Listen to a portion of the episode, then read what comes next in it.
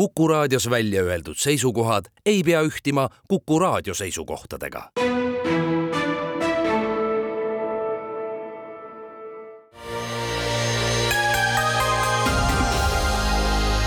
poliitikakuru, kui sina ei tegele poliitikaga, tegeleb poliitika sinuga. poliitikakuru tere, alustame saatega ja tänasel kargel talvepäeval on meil rõõm tervitada stuudios taas äh, Virve Linderit, kes veel väga hiljuti oli Kohtla-Järve linnapea. tere päevast! ja saadet äh, veavad Erik Moora. tere päevast! ja Tõnis Leht ja mis teemad ette võtame, räägime, räägimegi Ida-Virumaa poliitelust, äh, räägime kooliharidusest, Riigikogust ja presidendist, kliimakõnelustest ja võib-olla ühest teisest asjast jõuame veel rääkida. aga Virve, alustame siis selle põneva teemaga, milleks on Ida-Virumaa ja eriti just Kohtla-Järve poliitika, et äh, märtsikuus käisid sa meil viimati siin külas saates, toona olid sa mõni kuu või paar kuud jõudnud olla Kohtla-Järve linnapea, täna on seis selline, et äh, eelmisel nädalal toimus äh, teil võimupööre, volikogu võttis sinu sinu juhitud linnavalitsuse võimult maha, umbusaldust vedasid keskerakondlased ja ka sotsist siis volikogu juht Eduard Odinets uueks linnapeaks valiti sots Hendrik Aselo. aga küsimus sulle, et äh, me oleme siin ka nüüd Eerikuga püüdnud äh, süüvida sellesse teemasse taas põhjalikumalt, aga millega sa siis ikkagi äh, volikogu enamuse siis pahameele ära teenisid? ja tegelikult, kui asja sügavamalt vaadata, siis sul ju päriselt nii-öelda toimivat enamuse koalitsiooni selja taga polnudki sellele küsimusele on minul äh, samavõrd keeruline vastata, kui teil, teil nendest süsteemidest aru saada. aga tahaks siinkohal võib-olla natukene muidugi äh, tuua selgust selles osas, et et see, et minu linnavalitsus sellises koosseisus sai peaaegu et kümme kuud tegutseda ja mina ise siis linnapea olla täpselt aasta, oli muidugi selles mõttes ootamatult pikk periood igal juhul. juba esimestest päevadest peale oli ilmselge, et sotsiaaldemokraadid ja Keskerakond meie nii-öelda sellise kaasamisvalitsusega kaasa tulla ei soovi ja seda oma selget vastumeelsust meie valitsusele nad ka terve selle perioodi vältel selgelt välja näitasid. niisiis avalikkuse ees sõnumeid edastades kui ka siis meie linnavalitsuse näiteks eestseisvuse istungitel või ühistel aruteludel etteheited, mis ametlikult toodi, nagu ma ka ütlesin oma kaitsekõnes, olid kunstlikud ja, ja mingis mõttes naeruväärsed ja tegelikkuses äh, muidugi oli eesmärgiks lihtsalt taastada endine linnavõim, äh, mille taga siis äh, seisavad vanakooli keskerakondlased ja ka ärimees Nikolai Ossipenkoga seotud isikud. sina ise oled Isamaa erakonna liige, aga kes oli siis sinu, ütleme, koalitsioon, mida tegelikult justkui päriselt ei olnudki ja, ja alguses olid sa üldse paar kuud linnapea, ilma et sul oleks olnud isegi linnavalitsust, et just, et äh, minu koalitsioon, esiteks mind muidugi äh, esitas üldse linnapea kandidaadiks siis äh, valimisliit Restart Kohtla-Järve, kes jäid meie selja taha lõpuni välja ja ka tänasel päeval muidugi see see umbusaldus selles mõttes oli väga napp, isegi kui vaadata numbritele, siis, siis üksteist volikogu liiget ju siiamaani toetas meie valitsust ja ka paljud äh, siis umbusaldust avaldanud äh, fraktsioonide liikmed äh, tegelikult nii-öelda usutlustes tunnistasid, et neil isiklikult ei olegi mingisuguseid etteheiteid, aga nad peavad tegema seda, mida nende siis poliitiline roll neilt nõuab. jah, kui sa seda räägid praegu, siis praegu see jutt seni tegelikult kõlab justkui nagu tavaline poliitika inimestele. kui, kui ta, välja arvatud mõned asjad, mida Tõnis mainis, et, et sa valitsesid nii, et koalitsiooni polnudki mm ja siis vahepeal ka pikalt nii, et äh, linnavalitsustki polnud.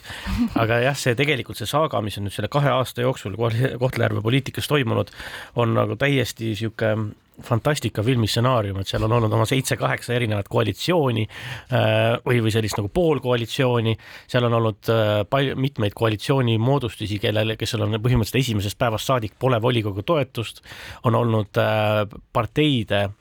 kõigi nende valimisnimekirjade, kes sinna sisse saanud on, nende täielikku lagunemist, siis nende, vaatamata sellele, et nad on jälle ühinenud kõik koos, siis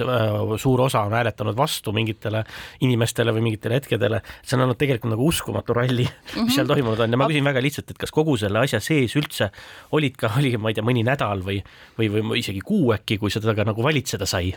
Äh, selles mõttes äh, ma olen korduvalt öelnud, et äh, tegelikult ühest küljest see on täielik absurd, mis seal on toimunud ja see on olnud igatepidi nii füüsiliselt kui vaimselt väga keeruline periood minu jaoks. aga teisest küljest kogu selle segaduse vältel, kuna volikogu oli iseendaga ametis, siis nii-öelda reaalseid linnajuhtimisotsuseid saime me ikkagi teha suhteliselt autonoomselt ja, ja selles suhtes meil õnnestus väga palju palju asju ära teha, mida me ise soovisime ja mis ei eeldanud nii-öelda volikogu kooskõlastust. Ähm, mis ma siin äh, veel lisada, lisada saaksin, äh, on see, et äh, tegelikult see olukord illustreerib väga hästi seda, kuidas Kohtla-Järvel ja ka mujal Ida-Virumaa linnades siis poliitikud kes nii-öelda ametlikult esindavad teatud Eesti suuremaid erakondasid, justkui tegutsevad sellise frantsiisi alusel et äh, neil ei ole nende erakondade äh, üldiste vaadete ja põhimõtetega eriti mitte mingisugust seost. ja sellest on ka tingitud need ülejooksmised, äh, sellised otsused, mis ilmselgelt on linnale ja ka erakondadele avalikkuse silmis kahjulikud. Ähm, ja, ja mida siis needsamad poliitikud, kellel on väga nõrgad või olematud sidemed nende poliitiliste jõududega, siis seal korda saadavad jah, no eks äh, Ida-Virumaal selliseid asju juhtub ju mujalgi, et äh, Narva, Narva linn on kindlasti hea näide, kus ju ka hiljuti no ikkagi mingis mõttes võrreldav äh, võimupööre toimus, kui Katri Raik ja tema, tema linnavalitsus maha võeti ja siis taaskogunenud, ütleme, Keskerakond leidis jõu ja see võim tagasi võtta, et Kohtla-Järvel on natuke sarnane olukord olnud, et e-, enne eelmisi valimisi oli enamus selgelt Keskerakonna käes mm, -hmm. siis toimusid viimased kohalikud valimised, siis algselt üritas äh, siis ülejäänud volikogu koosseis nii-öelda Keskerakonna kõrvale jätta, see ei õnnestunud, siis Keskerakond, eks ole, tuli võimule, aga lõhenes küllalt kiiresti, kukkus võimult, siis tuli Ossipenkoga seotud korruptsiooni äh, uur, kahtlustuste ja uurimiste tee äh, suuremad skandaalid, mis tõi siis lõpuks sinu võimule, et tõmbaks muidugi paralleel nii-öelda natukene hoogu maha, et Ida-Viru nii-öelda eripärasust nagu nii palju rõhutada, ta on eripärane seal on palju selliseid klikipõhiseid võimupöördeid ja piruka jagamist, aga tegelikult ka mujal omavalitsustes Eestis, ega see võim üle ja koalitsioonid ülemäära stabiilsed ei ole, et kui ma ka vaatasin eelmiste presidendivalimiste jaoks nii-öelda üle välja, kui palju on omavalitsustes selliseid koalitsiooni muutusi olnud, et siis see, et üks või kaks korda selle ametiaja jooksul koalitsioon ja, ja omavalitsuse vali, nii-öelda linna või, või vallavalitsus muutub, see oli ikkagi pigem, see oli norm et tegelikult mm -hmm. ei ole see olukord kohtadel kuidagi stabiilsem, kui on riigi tasandil. absoluutselt, olen sellega täiesti nõus, et äh, mul õnnestus ka nüüd äh, mõnda aega osaleda kohalike omavalitsuste juhtide arenguprogrammis, mis nüüd küll kahjuks selle tulemusena, et ma enam ei ole linnapea, ei kvalifitseeru sellesse programmi, jääb pooleli, aga seal oli mul võimalus siis suhelda kolleegidega üle terve Eesti ja eks need kogemused on küllaltki sarnased ja selliseid, selliseid selliseid omavalitsusi, kus oleks väga tugev ja stabiilne koostöö äh, siis äh, kõikide äh, siis omavalitsuse volikogu saadikutega, linna, linnajuht, juhtidel või vallavanematel, neid on ikkagi väga vähe. ja, ja need probleemid teatud mõttes näiteks selline üksteist, üksteist mitte austav suhtlus volikogudes ja nii edasi, on, on ikkagi Eesti-ülesed ja seda on väga kurb tegelikult vaadata aga kindlasti need Ida-Viru ja Kohtla-Järve teemad meil jookseb veel äh, saate jooksul teistest teemadest ka läbi, et äh, sinu nii-öelda poliitilised konkurendid siin praegu sõna ei saanud, eks nad siis äh, saavad nii-öelda anda oma hinnanguid pärast. meie teeme siin väikese pausi.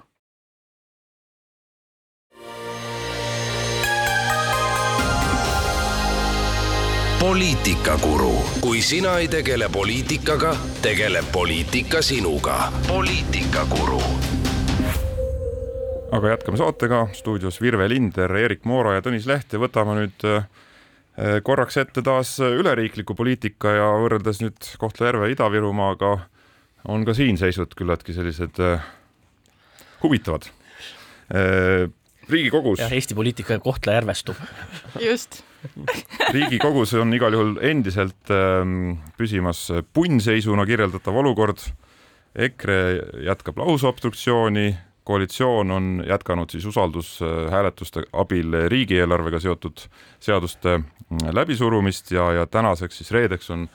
just praegu toimumas ka äh, lisaistung Riigikogus, kus äh, riigieelarve siis enda äh, siis seadust või eelnõud arutatakse ja, ja seda siis usaldushääletusele püütakse nii-öelda saada ja vastu võtta. Oma sammud on nüüd teinud ka Vabariigi President, kes sel nädalal kohtus kõigi erakondade esindajatega, luges taas sõnu peale ühelt poolt, et lausobstruktsioon on paha ja teiselt poolt, et ka laus usaldushääletuste kasutamine on, on paha ja, ja täna on see siis väljendunud ka presidendi otsuses, et viie seaduse osas, eh, mis temale väljakuulutamiseks jõud, jõudis siis riigieelarvega seotud seadused, mis usaldusega eh, seoti, usaldushääletusel vastu võeti, nendest neli siis sotsiaalvaldkonna seadust eh, president kuulutas välja, aga ühe seaduse ehk siis maakorralduse, maksukorralduse seaduse muutmise jättis president välja kuulutamata ja ilmselgelt seal olid oma, omad põhjendused, aga Eerik, sinu hinnangul, millist sõnumit ja, ja kui nii-öelda täpseid ja selgeid põhjendusi president sinna juurde pani? noh, põhjenduseks oli seal, põhjendused olid seal tegelikult ikkagi ausalt öeldes kummalised, et tegelikult kogu selles äh, asjas on ikkagi selline arusaamatu nagu äh, kuidagi sellise nagu mõlema poole süü ja vastutuse tekitamise mäng, millel ei ole sisulist alust selles kontekstis, et tegelikult ju ega siis sisulist sellist õigus, õigustust niisugusel lausobstruktsioonil Äh, ei ole, et see algas kohe, kui äh, algusest peale, kui Riigikogu valimiste mm, järgselt selle aluseks on olnud leppimatus valimistulemustega, isegi ka nende otsene eitamine äh, ja, ja, ja välja kuulutatud eesmärk lihtsalt pannagi Riigikogu töö seisma. Ja see on siis toimunud järjekindlalt, sõltumata asjaoludest, sõltumata sellest, millised on muutused või, või käitumisjooned nii, nii valitsuse kui osade koalitsiooni era- või opositsioonierakondade poolt ja, ja see tähendabki seda, et, et, et siin on selline, nagu see öeldakse, äh, vale samastamine mm, ja, ja, ja eitmine ja sellepärast ma ütlengi, et presidendi poolt sellega kaasa minemine äh, sünnitab ka ise neid kummalisi põhjendusi, et näiteks praegu president äh, tagasi lükates ütles, et, et ähm, esiteks juba kummaline on see põhjendus, mis ta, mis ta on öelnud justkui, et justkui usaldusküsimusega tohiks siduda ainult, ainult äh, riigieelarvega seotud seadusi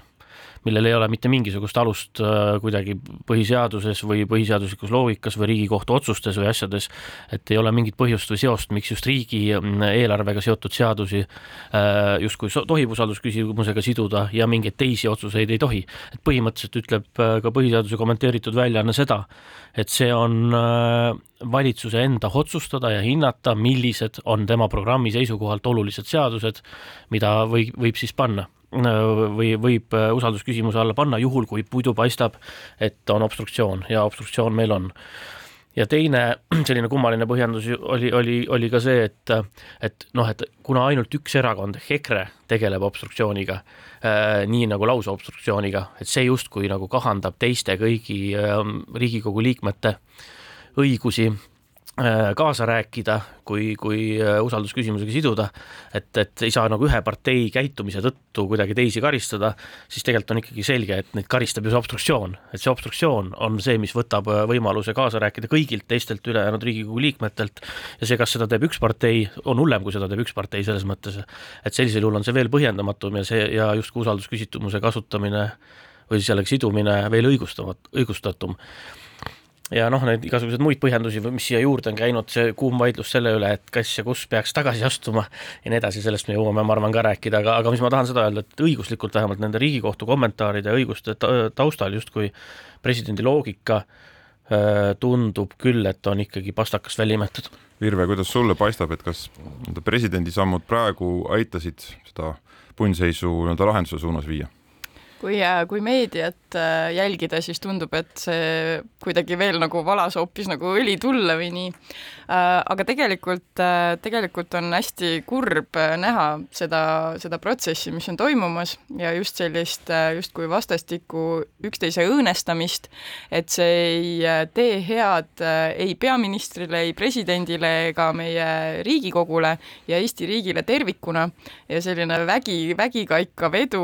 pigem ta ta tõesti nagu naeruvääristab seda demokraatiat ja muudab meid ka ütleme tänases julgeolekuolukorras äh, selliseks suhteliselt äh, meeldivaks sihtmärgiks ka vaenlasele. jah, no need üldised probleemid ja usalduse langus kindlasti sellest vastasseisust äh, tulenevad. mulle tundub, et jah, presidendi samm nüüd midagi väga lahenduse suunas ei nihutanud tõesti, et eks ta valis ühe nendest hetkel viiest äh, siis seadusest, mida mitte välja kuulutada, see maamaksuseaduse ja maksukorraldusseaduse muutmine. ja noh, põhimõtteliselt nende põhjendustega oleks ikkagi võinud valida nendest viiest veel suhteliselt vabalt äh, nii mõnegi teise või mm -hmm. üks, üks või kaks äh, teist eelnõu veel, mille puhul siis samuti võiks ju öelda, et seos riigieelarvega on suhteliselt väike, me räägime väikestest summadest seal tuhandetes, kümnetes tuhandetes ja ja ka muu, ütleme, seose üle konkreetse ja, ja siis riigieelarve mõju üle võib ju vaielda, et selles mõttes lihtsalt nii-öelda selline, see oli nii-öelda noh, ütleme näidis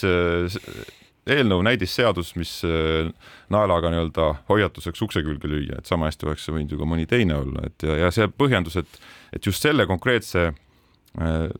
eelnõu vastu siis Riigikogus esitas äh, tohutu või no suure koguse parandusettepanekuid ainult EKRE fraktsioon,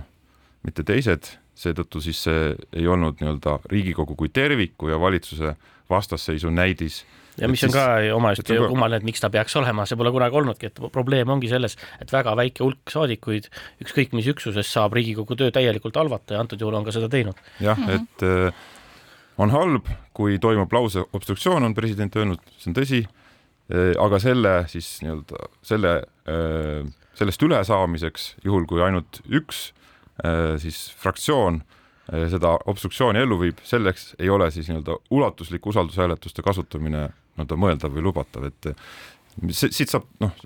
see on tõsi, et äh, parem oleks, kui kumbagi seda ei oleks. Yeah.. lausobstruktsiooni ja laususaldushääletuste kasutamist, aga teisest küljest, keda, keda see, eeskätt siis nagu võimestab? just, et see otsus tegelikult just vastupidi äh, kutsub ju kui see peaks nagu õnnestuma või see põhjendus peaks jääma kas või osaliselt ka näiteks siis Riigikohtus või mm, mingil kujul pidama, siis see tegelikult ju lihtsalt kutsub, äh, kutsubki tulevikus ükskõik kellel tegemagi lõputut obstruktsiooni et siis see annab sulle päriselt võimaluse kogu äh, valitsusaparaadi töö seisma panna ja lõpetada riigi juhtimine ja, ja ikkagi nagu päriselt vajalike otsuste vastuvõtmine, mida on ju kogu aeg mm. -hmm jah, aga siinkohal jällegi meenub mulle minu viimane külaskäik teie juurde, kui ma rääkisin sellest, et äh, et äh, peale valimisi ikkagi ükskõik, kes siis äh, nii-öelda selle valitsuse moodustab, äh, ei tohiks ära unustada kogu, kogu seda seltskonda, kes nii-öelda opositsioonile oma hääle andis. ja tegelikult mulle tundub, et see olukord, mis on praegu kujunenud, ongi suures osas just, just selle tagajärg, et teatud osa ühiskonnast, väga suur osa ühiskonnast on nii-öelda jäetud kõrvale ja, ja selle, selle, tõesti selle puhul ainult kutsukski inimesi üles sellisele suuremale riigimehelikkusele ja üleüldisele nagu arvestamisele üksteisega. Äh, et see kindlasti meile halba ei teeks ühiskonnale. ma olen nagu nii palju sinuga nõus, et äh, kindlasti koalitsioon, äh, valitsus siis ametiaja alguses andis kriitikaks kõvasti põhjust, et just menetlemise nii-öelda loogika lappas mm -hmm. korralikult ehk et väga lühikeste kooskõlastustähtaegadega, eeskätt just need maksuseadusega, mitte ainult ühiskonda kaasati väga, ei kaasatud sisuliselt ja tehti ei, seda kõike vägagi, väga kiiresti. vägagi kunstlik oli see kaasamine, et ka ise ikkagi omavalitsusjuhina, kui sulle postkasti potsatab äh, hunnikutes äh, kooskõlastamiseks äh, seaduseelnõusid, mille no kolm päeva kolm päeva, kaks päeva, kuus päeva ja saadetakse veel reede pärastlõunal, kui kõik ametnikud ja inimesed lähevad oma nädalavahetust veetma ja soovitakse tagasisidet esmaspäeva hommikuks, et siis noh, ilmselgelt ei ole siin reaalset soovi kedagi kaasata või kellegagi arvestada. aga jah, see annab põhjenduse või oleks andnud põhjenduse olla selgelt tugevalt vastu nendele konkreetsetele eelnõudele, mida niimoodi ko ei kooskõlastatud mm -hmm. mõistlikult ja kaasavalt ja ole ja tehagi siis obstruktsiooni nagu kitsalt nendele eelnõudele, aga see, mis järgnes Äh, siis noh, Reinsalu äh, viljaka mõttetöö tulemusel, millesse ülejäänud opositsioon tugevalt kaasa tuli, ehk siis laus obstruktsioon, mis nagu püüdis täielikult Riigikogu töö seisma panna, see oli selgelt üle võlli nii-öelda liialdatud reaktsioon, oma hinnangu andis sellele ka Riigikohus, hinnates, et selline lausobstruktsioon ei ole demokraatia toimimisega ja põhiseadusega kooskõlas, ehk et see obstruktsioon reageeris üle ja noh, tänaseks, kui EKRE on sisuliselt ikkagi üksi jäänud obstruktsiooni ja lausobstruktsiooni endiselt tegema, et siis ka ei ole selliseid menetluslikke põhjendusi seal noh, tegelikult enam sellisel kujul taga ei ole, ehk et et anti ettekääne valitsuse poolt kindlasti kevadel mm, -hmm tänaseks on järele jäänud selleks, sellest ikkagi EKRE lausobstruktsioon, mille eesmärk on tegelikult kang suruda meie esindusdemokraatia mootorisse, põhimõtteliselt panna just. Riigikogu töö seisma, ideaalis tuua erakorralised valimised esile, see muidugi ei ole realistlik, seda ka president ütles välja mm, -hmm. aga noh, ühesõnaga see, see on juba hoopis mingi teine asi. Et selle, siin ei olegi millegi üle koalitsioonile, opositsioonile enne läbi rääkida, kui EKRE seda kangi sealt välja ei võta. jah, ja noh, veel korra tuleb ka tulla äh, selle Äh, selle kummalise ja, ja sisuliselt ikkagi täitsa sellise nagu kuidagi põhjendamatu nõudmise juurde, mida kogu aeg esitatakse, et et äh, punnseisu lahtimuukimiseks peab äh, siis Kaja Kallas tagasi astuma ja lahkuma. nii edasi, siis noh, kuivõrd see on see on äh, selline mm, poliitiliselt nagu ülikummaline ja, ja, ja sisuliselt äh, hästi põhjendamatu nõudmine, siis ma teeksin omalt poolt äh, kompromissettepaneku, tõelise, mis aitaks siis peale punn, punnseisust Eesti poliitikas välja saada ja see punn, see on palju palju põhjendatum või palju loogilisem, sellepärast et see punnseis paljude parteide vahel on umbes ollakse, siis edasi, siis ma pakuksin, et et Kaja Kallas tõesti võiks tagasi astuda aga siis lihtsalt tingimusel, et kõigi parteide juhid astuvad tagasi ja korra, korraga, korraga. Ja kõik lahkuvad korraga ka poliitikast. võib-olla ongi seal see vahe, et Kaja Kallas ja ütleme siis Mihhail Kõlvart näiteks ei lahku, kuna nendel on väga korralik mandaat, nad on saanud väga palju hääli, et nad võivad sinna poliitikasse kuhugi servaaladele veel jääda, sest Kaja Kallasel on siiski oma see kolmkümmend kaks tuhat häält värskelt saadud ja Kõlvartil viisteist tuhat häält värskelt saadud, aga ülejäänud parteide juhtidel ei ole midagi taolist. Ja seetõttu nemad võiks siis nagu päriselt üldiselt lahkuda ja saakski hakata nagu puhtalt lehelt seda punnseisu vabalt hakata nüüd looma uusi Äh, põhimõtteid. et ma arvan, et see on, see nõudmine on, ma arvan, õigustatum ja loogilisem see, see on väga huvitav ettepanek. Ma siin ei oskagi ja, midagi kommenteerida. ja nii, ja nii muidugi ka edasi, kui, kui peaks olema, et äh, vana vimm on, kandub edasi ka siis järgmisesse juhtide põlvkonda, kes siis meil kahe nädala pärast oleks või kolme nädala pärast kõik välja vahetatud, siis, äh, siis, äh, siis, siis tuleb ka need jälle välja vahetada, niikaua kuni lõpuks me oleme jõudnud inimesteni, kes lihtsalt ei jõua enam tülitseda. no aga ka EKRE ju teebki analoogset ettepanekut teiste vahenditega, et teeme erakorralised valimised, et äkki see vahetab iseenesest siis ka kõik välja jah, mingis, mingis mõttes on nagu huvitav see, et ühesõnaga päris samaväärsed ettepanekud. et need äh, valimis, valimisperioodid võib-olla on Eestis äh, veel vaata et liiga pikad et äh, erinevate sündmuste tagajärjel siin inimeste eelistused ja, ja nende suhtumine konkreetsetesse isikutesse ja ka poliitilistesse jõududesse jõuab, äh, jõuab väga kardinaalselt muutuda. ja selles mõttes äh, ma arvan, et tõesti, kui täna oleksid need valimised, oleks tulemused võib-olla veidi teistsugused no,. küll aga ma ei väida seda, et need oleksid sellised, nagu EKRE, EKRE eeldab või soovib. kindlasti tulemused oleks päris erinevad, see on täitsa kindel, aga ja, meil on siiski mingi mõttega see nelja-aastane valimisperiood, et, et nii-öelda päris nagu hetke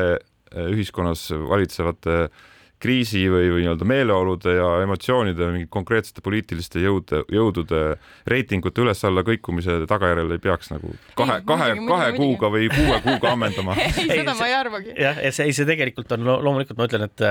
et tegelikult on nagu jumal tänatud, et on ka valimiste vaheline aeg olemas ja, ja nii edasi, aga, aga mis on seekord erinev natuke, mis on põhjustanud sellise, ma arvan, tohutult äh, valuliku reaktsiooni ja ennekõike siis äh, sealt ma ütleksin opositsiooni poolelt ongi seesama asi, et et äh, kõikides varasemates Riigikogudes pärast esimest valitsuse moodustamist on olnud nagu enam-vähem niisugune selge pilt, et, et siin tekivad selle nelja-aastase perioodi jooksul omad avangud nii-öelda äh, tehtud, sest et ega iga kord on valimiste järel saanud ametisse uus valitsus, see koalitsioon on pandud, see koalitsioon ei ole kunagi kuulanud opositsiooni ühtegi ettepanekut, nad on alati surunud läbi oma koalitsioonilepingu põhipunkte väga jõuliselt ja kiiresti, et selles ei ole mitte mitte ühtegi uut aspekti. Äh, kobarseadustega on tehtud seda uute koalitsioonide ametisse seaduste saades ja nii edasi, aga lihtsalt ongi see, et äh, selles Riigikogu valimiste järel tulemus oli selline, et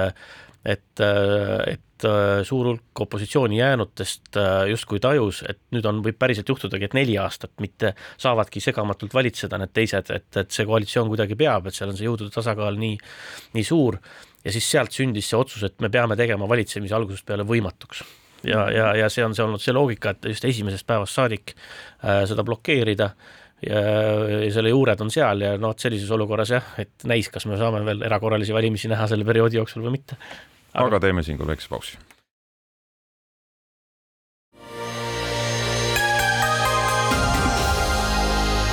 poliitikakuru, kui sina ei tegele poliitikaga, tegeleb poliitika sinuga. poliitikakuru.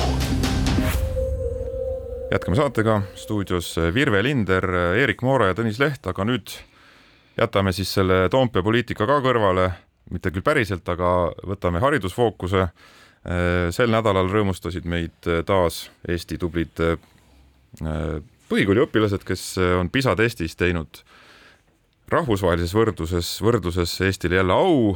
oleme maailma siis ja Euroopa tipus. tõsi, natukene on nii-öelda tulemusnumbrid on ka Eestis, nii nagu mujalgi, on, on langenud ja õpetajate palgarindelt eh, on ka sel nädalal saabunud arusaamine, et valitsuse ja siis haridustöötajate vahel ikkagi kompromissi või kokkulepet ei sündinud. Õpetajate palgatõusu osas ja jõuluvaheaja järel siis eh, peaksid õpetajad nüüd valmistuma streikimiseks, aga alustame siis sellest PISA, PISA temaatikast, Eerik, et mida see testi, testide tulemus nii-öelda meile kõige rohkem kõneleb ausalt öeldes on see, alati on see niisugune natuke isegi kummaline moment, et kuna siin ise riigis elad ja, ja, ja oma kuidagi näed seda protsessi kõrvalt ka lapsevanemana ja kõige muuna ja siis on nagu nii palju muret justkui nende hariduse pärast ja kooli asjade pärast ja sellepärast, kas noored ikka päriselt äh, ka midagi selgeks saavad ja kas nad midagi teavad, kas nad loevad midagi, äh, kas nad saavad millestki aru äh, või süvenevad ja nii edasi. ja siis äkki tuleb niisugune hästi nagu kainestav ja vabastav see PISA tulemuste laviin, mis ütleb vähemalt miinimum, ta ütleb seda, et igal pool mujal on veel palju hullemini et, et selles kontekstis, maailma kontekstis. kas sa tahad on... öelda, et sinu muidu selline näpuotsa tunne on, et, et, et õpilased ei saa eriti aru? no mis ma, ma ei ole siiski koolis hetkel, aga ikka, kui, kui sa kuuled, noh, vanamu ema on eluaegne õpetaja, siis sa kuuled natukene nendest ringkondadest Äh, mõningaid kommentaare, asju, nurinaid ikka tuleb läbi selle kohta, kui, kui, kuidas noorte eneseväljendus on läinud halvemaks ja mingeid muid niisuguseid muresid. ülikoolid kurdavad, et sisse astuvad noored esimestel kursustel, kes ei tea nagu suurt midagi või ei suuda nagu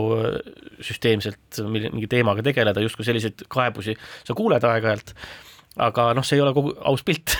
see ei ole kogu pilt, paistab siis, sest et see tulemus on tõesti fantastiline. koroona aja langus oli meil väiksem, mis on äh, tunnustus selle eest, et ikkagi meil jõuga hoiti koole lahti, see maksis tegelikult lõppkokkuvõttes ka haridusminister ähm, Liina Kersnale koha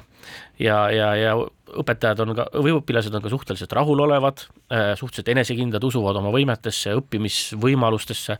Äh, matemaatika tulemused, mis olid sellel aastal fookuses, olid super, mis on väga tähtis ja väga oluline asi.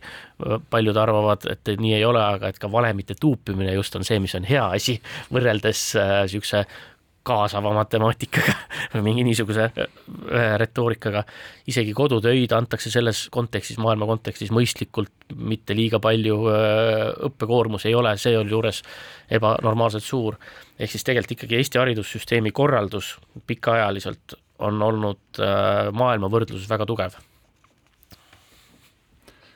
Virve, kui sina vaatad nüüd oma värske Ida-Viru ja Kohtla-Järve kogemuse pealt, et kas kas see resoneerub ka, ka, ka sinu siis, sinu omavalitsuses? Mm. -hmm. see, mida Eerik siin rääkis, on täpselt nii-öelda seesama, needsamad mõtted, mis minulgi on tekkinud sellega nii siis omavalitsusjuhina kui ka siis lapsevanemana ja endise õpetajana. aga mis võib-olla on selline huvitav või natukene muret tekitav, et sa mainisid siin seda, et, et need valemite tundmised, mis on tegelikult selline vanakooli pedagoogika, et annavad meile kindlasti seal PISA testides nagu sellise ütleme, tugevuse. aga samas me teame, et meie õpetajaskond on äh, vägagi vananev ja suur osa nendest lähiaastatel suundub pensionile ja, ja see uus nii-öelda koolkond neid valemeid ja seda nii-öelda kaas-,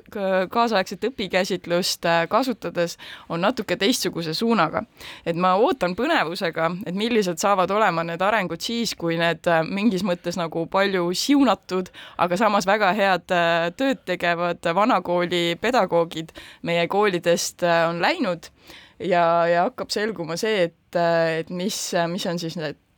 tänapäeva, tänapäeva nii-öelda situatsioon ja meie tegelikult tulevik. no kui neid murenoote otsida, siis eks seda on, seda on ka välja toodud, et eh, noh, Covidi periood kindlasti oma mõju jättis, kui suure täpselt nüüd tulemuste langemisse, seda on muidugi keeruline täp-, täpi pealt näppu peale panna, aga oma mõju selgelt oli ja, ja noh, suuremalt on pihta saanud ja tulemused on kehvemaks läinud neil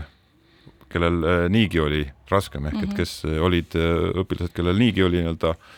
varasemad tulemused kehvemad, siis nende nii-öelda langus oli, oli suurem ja no eks see viitabki sellele, et nii-öelda nõrgemad õppurid võib-olla, kellega, kellega kodune toetus on nõrgem ja võib-olla see sotsiaalmajanduslik ja vanemate nii-öelda hariduslik tase nõrgemal tasemel, et siis nemad said rohkem pihta ja noh, seal on see oht, et, et see nii-öelda lõhe ei kao ära vaid äh, võib täiendavalt äh, süveneda ja, ja anda vanemate siis hariduslik ja majanduslik taust võib rohkem tõlkuda laste siis ebavõrdsesse haridustasemesse ja, ja hakkamasaamisse tulevi, tulevases elus, et see ja. on muidugi tõsine probleemi mhm. viide. jah, et see on nagu läinud nagu halvemaks näitaja, aga samas jällegi maailma kontekstis oli Eesti väga ühtlase ja hea haridusega, et ka Eesti nõrgimad on ikkagi nagu äh, tunduvalt kõrgemal tasemel kui, kui paljudes riikides väga suur osa mm -hmm. õpilasi. aga eh, nüüd PISA testi tulemused eh, võtame foonile. Eh, tööd on tehtud hästi, Covid on ikkagi globaalses mõttes hästi üle elatud, lapsed saavad endiselt head haridust ja ka õpivad tublilt, et kas õpetajate nii-öelda otsus minna streikima on selles kontekstis endiselt õigustatud nii-öelda fooniks, kokkulepe võib-olla ei olnud väga kaugel, et mingi kokkulepe siiski oleks saanud sündida, selle distantsiks õpe-, haridustöötajate ja valitsuse vahel jäi siis noh, põhimõtteliselt kümme miljonit, tegelikult muidugi väiksem summa, ilmselt veel täiendava kompromissina oleks õpetajad olnud võib-olla vähem, aga kui kümme miljonit juurde rahul olnud, sest Haridus-Teadusministeeriumi e-, eelarvest leiti juba kaheksa miljonit siis juurde, sinna küsiti siis alampalga tõusuks õpetajate poolt veel kümme miljonit. kas, kas see streik on õigustatud? Noh, see on, kuidas äh, keegi hindab, et, äh, et äh, noh, seal on nagu mõlemal poolel on väga loogiline ja sisuline põhjendus selles mõttes, et õpetajate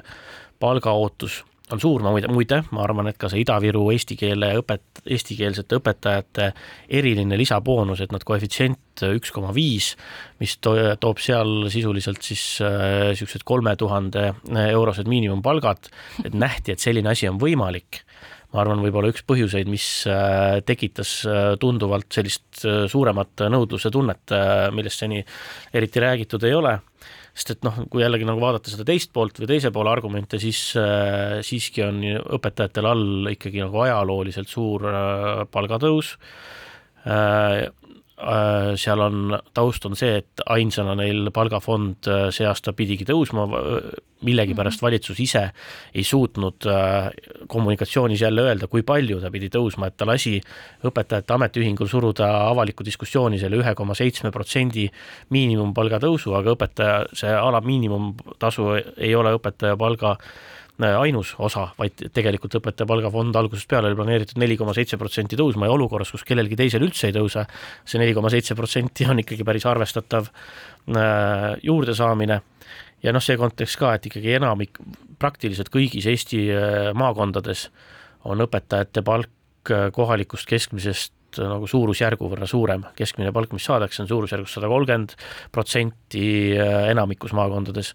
või sada kakskümmend, üle saja kahekümne igal pool ja nii edasi, et et kogu riigi tasandi selle keskmise toob alla siis Tallinna väga kõrged palgad, esiteks üldiselt, ja Tallinna õpetajate suhteliselt madalamad palgad, mis, mis seda segadust tekitavad mm. -hmm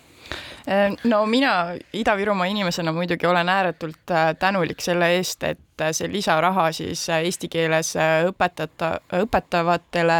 õpetajatele Ida-Virumaal leiti. ja see on olnud meile väga suureks leevenduseks, sest et ikkagi meie vaatest üks kõige olulisemaid küsimusi lähiaastatel tõesti on eestikeelsele õppele üleminek ja on ilmselge, et linnades, kus eesti keelt emakeelena kõnelevaid inimesi on noh, Kohtla-Järve näitel näiteks umbes kuusteist protsenti või Narvas seal mõned protsendid, et kohalike jõududega seda saavutada on äärmiselt keeruline ja on väga keeruline seda saavutada ka täna siis ütleme koolides töötavate kõrgtasemel eesti keelt valdavate õpetajate toel. et meil on vaja lisaressurssi, väga tugevat lisaressurssi ja õnneks see palgalisa on meile neid õpetajaid juurde toonud ka mujalt piirkondadest ja lisaks ma usun, et ka motiveerinud päris paljusid inimesi nii-öelda tegema karjääripööret ja vaatama selle õpetaja ameti poole, et äh, mitte ainult teistest omavalitsustest siis inimesi ära napsama, äh, vaid ka ikkagi äh, nii-öelda seda õpetaja ametit popula-, populariseerinud. ja aga, aga samas jah, tõesti, mida öelda teistele õpetajatele lohutuseks, et kui nüüd ka käivad sellised signaalid, et justkui selle tõttu, et Ida-Viru õpetajad selle palgalisa said, et nüüd teistel jääb see palgalisa tulemata Äh,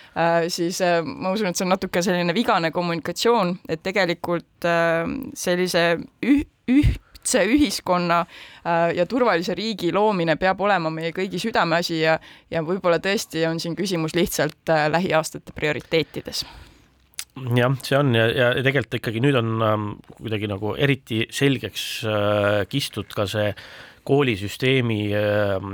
korraldamatuse küsimus, kus see raha, kus see lahendus olema peab. et kui ikkagi mm -hmm. vaadata seda, kui palju haridusse tervikuna Eesti Vabariigis raha paneb, siis ei saa öelda, et ükski valitsus oleks kitsi mm, -hmm. et me oleme tegelikult ikkagi kõigi maailma kõige rikkamate riikide OECD pingereas seal täielikus tipus, ma, ma pannes haridusse väga suure raha ja samal ajal on, on sellest haridusest nagu ebaproportsionaalselt suur osa läheb siis äh, betooni kooli ehitamisesse, selle rajamisse ja õpetajate palkadesse ju väga väike osa, et, et mm, -hmm. et isegi haridusminister on nüüd välja öelnud selle, et Eesti Eestis on praegu sada viiskümmend kaheksa gümnaasiumi, et umbes sadakonna jagu on meil lapsi, praegu ütles äh, ja, ja Jaak Aaviksoo, kes äh, tegi haridusministri tellimusel ka sellise samalaadse analüüsi. tema ju ütles, et seitsmekümne gümnaasiumiga saaks lahedasti hakkama ja see tähendab seda ikkagi. Teatud... Neid samu sõnumeid on Riigikontroll ka juba ju. just, just ja see on tegelikult ka väga suures osas sõnum ikkagi kuidagi ka äh, kohalikele omavalitsustele, et nad peavad ikkagi Äh, noh, nii ei saa, et sa nõuad ainult valitsuse käest äh, kooli kinnimaksmist ja kooli tuleb igal juhul pidada, pidada, vaid tegelikult ikkagi kohalikud omavalitsused, mis nüüd on ju niikuinii suuremad, peavad äh, kuidagi just seda vanemate õpilaste astmeid optimeerima, et kodulähedane algkool on, on üks asi väga vajalik endiselt, aga, aga see eda-, vanemad lapsed peavad käima ikkagi paremas koolis, mida ei ole nii palju. kas Kohtla-Järve kogemuse järgi siis ütleme, riigipoolne suunis, tellimus äh, kooli ja nii-öelda ka konkreetsed sammud, mida on mm -hmm. ju mhm. astutud seal koolivõrgu äh, ümberkorraldamiseks, olid need nagu piisavad või siis tegelikult üle Eesti ikkagi äh, võib-olla ka hetke regulatsioon ja need näiteks gümnaasiumiastmele seatud ütleme, haridusstandardid või kooli ütleme siis kirjeldus, milline üks kool peab Äh, millistele tingimustele ta peab vastama, et see ei ole nagu piisav olnud selleks, et panna omavalitsusi reaalselt siis koole liitma mm. -hmm. et Kohtla-Järve on selles mõttes äh, kindlasti üks Eesti haridusvõrgu paha, paha poisse olnud siiamaani. sel aastal me lõpuks tegime ära ka kaks vägagi äh, keerulist otsust, sulgeda kaks meie neljateistkümnest lasteaiast näiteks. et Kohtla-Järve linnas, kus tänasel päeval elab kolmkümmend kolm tuhat inimest, tegutseb neliteist lasteaeda. Ja nendest paljud asuvad ühe ja sama tänava ääres erinevad üksteisest ainult oma suuruse ja kollektiivi poolest ähm,. see on ja, nagu selline lasteaiaklaster, et. ja meil on lasteaiaklaster, et meil siin oleme visanud nalja, et äh, kõik need Tallinna ja Tartu lähedased omavalitsused, kellel on tohutult lasteaiakohti puudu, et nad peavad lihtsalt bussid panema käima meile sinna Kohtla-Järvele, et saab probleemi lahendatud. aga samamoodi ka näiteks meie põhikoolivõrk on tänasel päeval ikkagi korrastamata. meil on, äh, on, äh, issand jumal, viis, viis põhikooli ja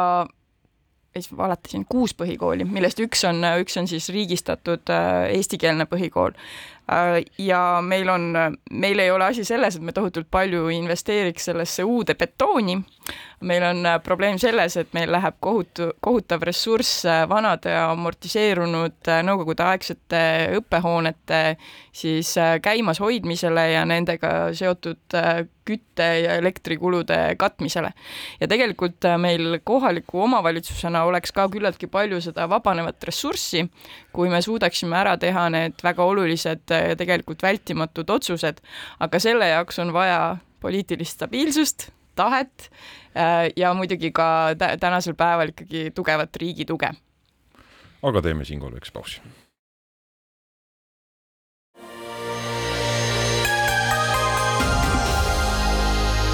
poliitikakuru, kui sina ei tegele poliitikaga, tegeleb poliitika sinuga. poliitikakuru. Jätkame saatega stuudios Virve Linder, Eerik Moora ja Tõnis Leht ja saate napiks äh, viimaseks osaks võtame kliimateema, nimelt äh, samal ajal kui, kui meil siin akna taga paugub selline mõõdukas pakane, siis juba teist nädalat on käimas kliima soojenemise pärast muretsevad globaalse kogukonna selline kokkusaamine, ÜRO kliimakonverents Araabia Ühendemiraatides, COP kakskümmend kaheksa on selle selline koodnimetus ja seal püütaksegi leida ülemaailmseid kokkuleppeid, kuidas kasvuhoonegaaside heidet vähendada ja, ja maakera äh, pinna ja atmosfääri soojenemist seisma saada ja ideaalis ehk kunagi ka tagasi keerata. aga palju kõlab ka muidugi kriitikat, et see on selline globaalne jututuba, kus on muuhulgas kohal ka palju selliseid, ütleme, fossiilkütuse tootjaid riike ja ka firmasid ja lõppkokkuvõttes sealt ju peale sellise sooja õhu lisandumise midagi ei tule, aga Eerik, kuidas sina näed, et kas paistab, et sellest siiski ka praktilist kasu on tõusmas? jah, et selle meie imeilusa talve foonil on siis äh, mõistlik mitte ära unustada, et, äh, et äh, meil on, tuleb ilmselt inimkonna, inimkonna ajaloo kõige kuumem aasta on praegu lõppemas. siia sisse on jäänud viimased kuus kuud on kõik olnud oma vastavate kuude kõigi aegade kõige kuumemad sealhulgas on ka siis kogu inimkonna ajaloo algusest peale kõige kuumem kuu jääb selle aasta sisse. Äh, kõige mm, suuremad kuumalained, äh, kõige laialdasemalt üleujutused ja kõik need muud niisugused asjad jäävad selle sisse, mis, millel on ränk majanduslik mõju ka kogu äh, inimkonnale, kui meid ainult see aspekt huvitab, aga laiemalt on see tegelikult looduse vastupanuvõimele väga suur probleem. ja nüüd sellel foonis, foonil kindlasti on selge, et see mm, COP kakskümmend kaheksa, mis toimub naftariigis, mida juhib nafta, kohaliku riikliku naftafirma juht, Äh, on selle, selle asja president ja kus juba hetke, hetke on äh, siis igavene nende koppide pantvangis hoidja Saudi Araabia öelnud, et nemad äh, fossiilkütuste lõpetamisega, mis on üks ja ainuke tähtis küsimus, mis tegelikult sellisel kopil on, et nemad sellele alla ei kirjuta või nõus ei ole, et siis sealt tuleb igal juhul selline nagu pooletoobine lahendus. ja tegelikult mõnes mõttes kogu selle kopp protsessi kõige tähtsam küsimus vist ongi praeguseks see, et kuidas seal sellest ühehäälsuse nõudest vabaneda, kuna selge on see, et äh, Venemaa Äh, ja, ja Saudi Araabia ja, ja, ja võib-olla paar naftasõltlasest riiki muidu jäävadki tõelisi lahendusi blokeerima ja neid tuleb teha siis äh, väljaspool sellist rahvusvahelise koostöö raami. Äh, ja tehakse väga edukalt, mõned asjad seal siiski lepitakse kokku, mis on positiivsed. ma eeldan, et lepitakse näiteks taastuvenergia mahtude kolmekord-, kolmekordistamine aastaks kaks tuhat kolmkümmend, mis on nagu päriselt suur samm ja asi ja sellise mahuga, kui taastuvenergiat juba tuleb nii palju Äh, arvestades, kui tohutult palju teda maailmas viimasel aastal paaril on tulnud, siis see tähendab ka seda, et, et äh, fossiilkütused laiemalt ei ole enam eriti konkurentsivõimelised, lihtsalt et see allaminek toimub niikuinii. aga vaja oleks tegelikult ikkagi palju kiiremat ähm, vähendamist. Jah, meil on endiselt süsinikuheide globaalselt kasvamas, noh, hinnangud on, et võib-olla aastaks kaks tuhat kolmkümmend saavutame alles selle tipu praeguseid trende järgides ja, ja noh, kriitika kõlab, et kogu see noh, ütleme nii, et globaalset soojendamist, soojenemist me pidurdada pole suutnud ja kõik see on majanduslikult ülikallis nii-öelda roheüleminek ja, ja tegelikult ei tööta, kuna süsinikuheide endiselt kasvab, aga noh, kui otsida siiski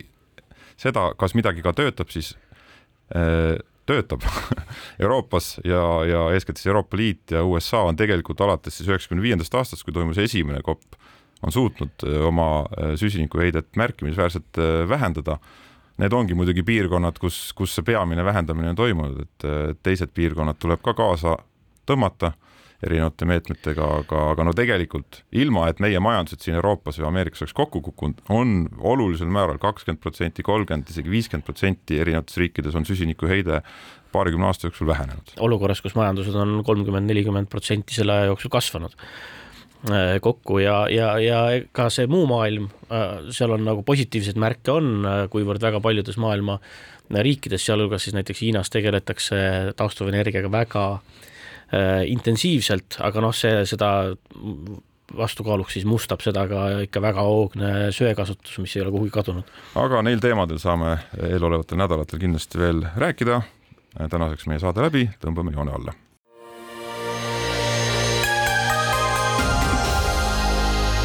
poliitikakuru, kui sina ei tegele poliitikaga, tegeleb poliitika sinuga. poliitikakuru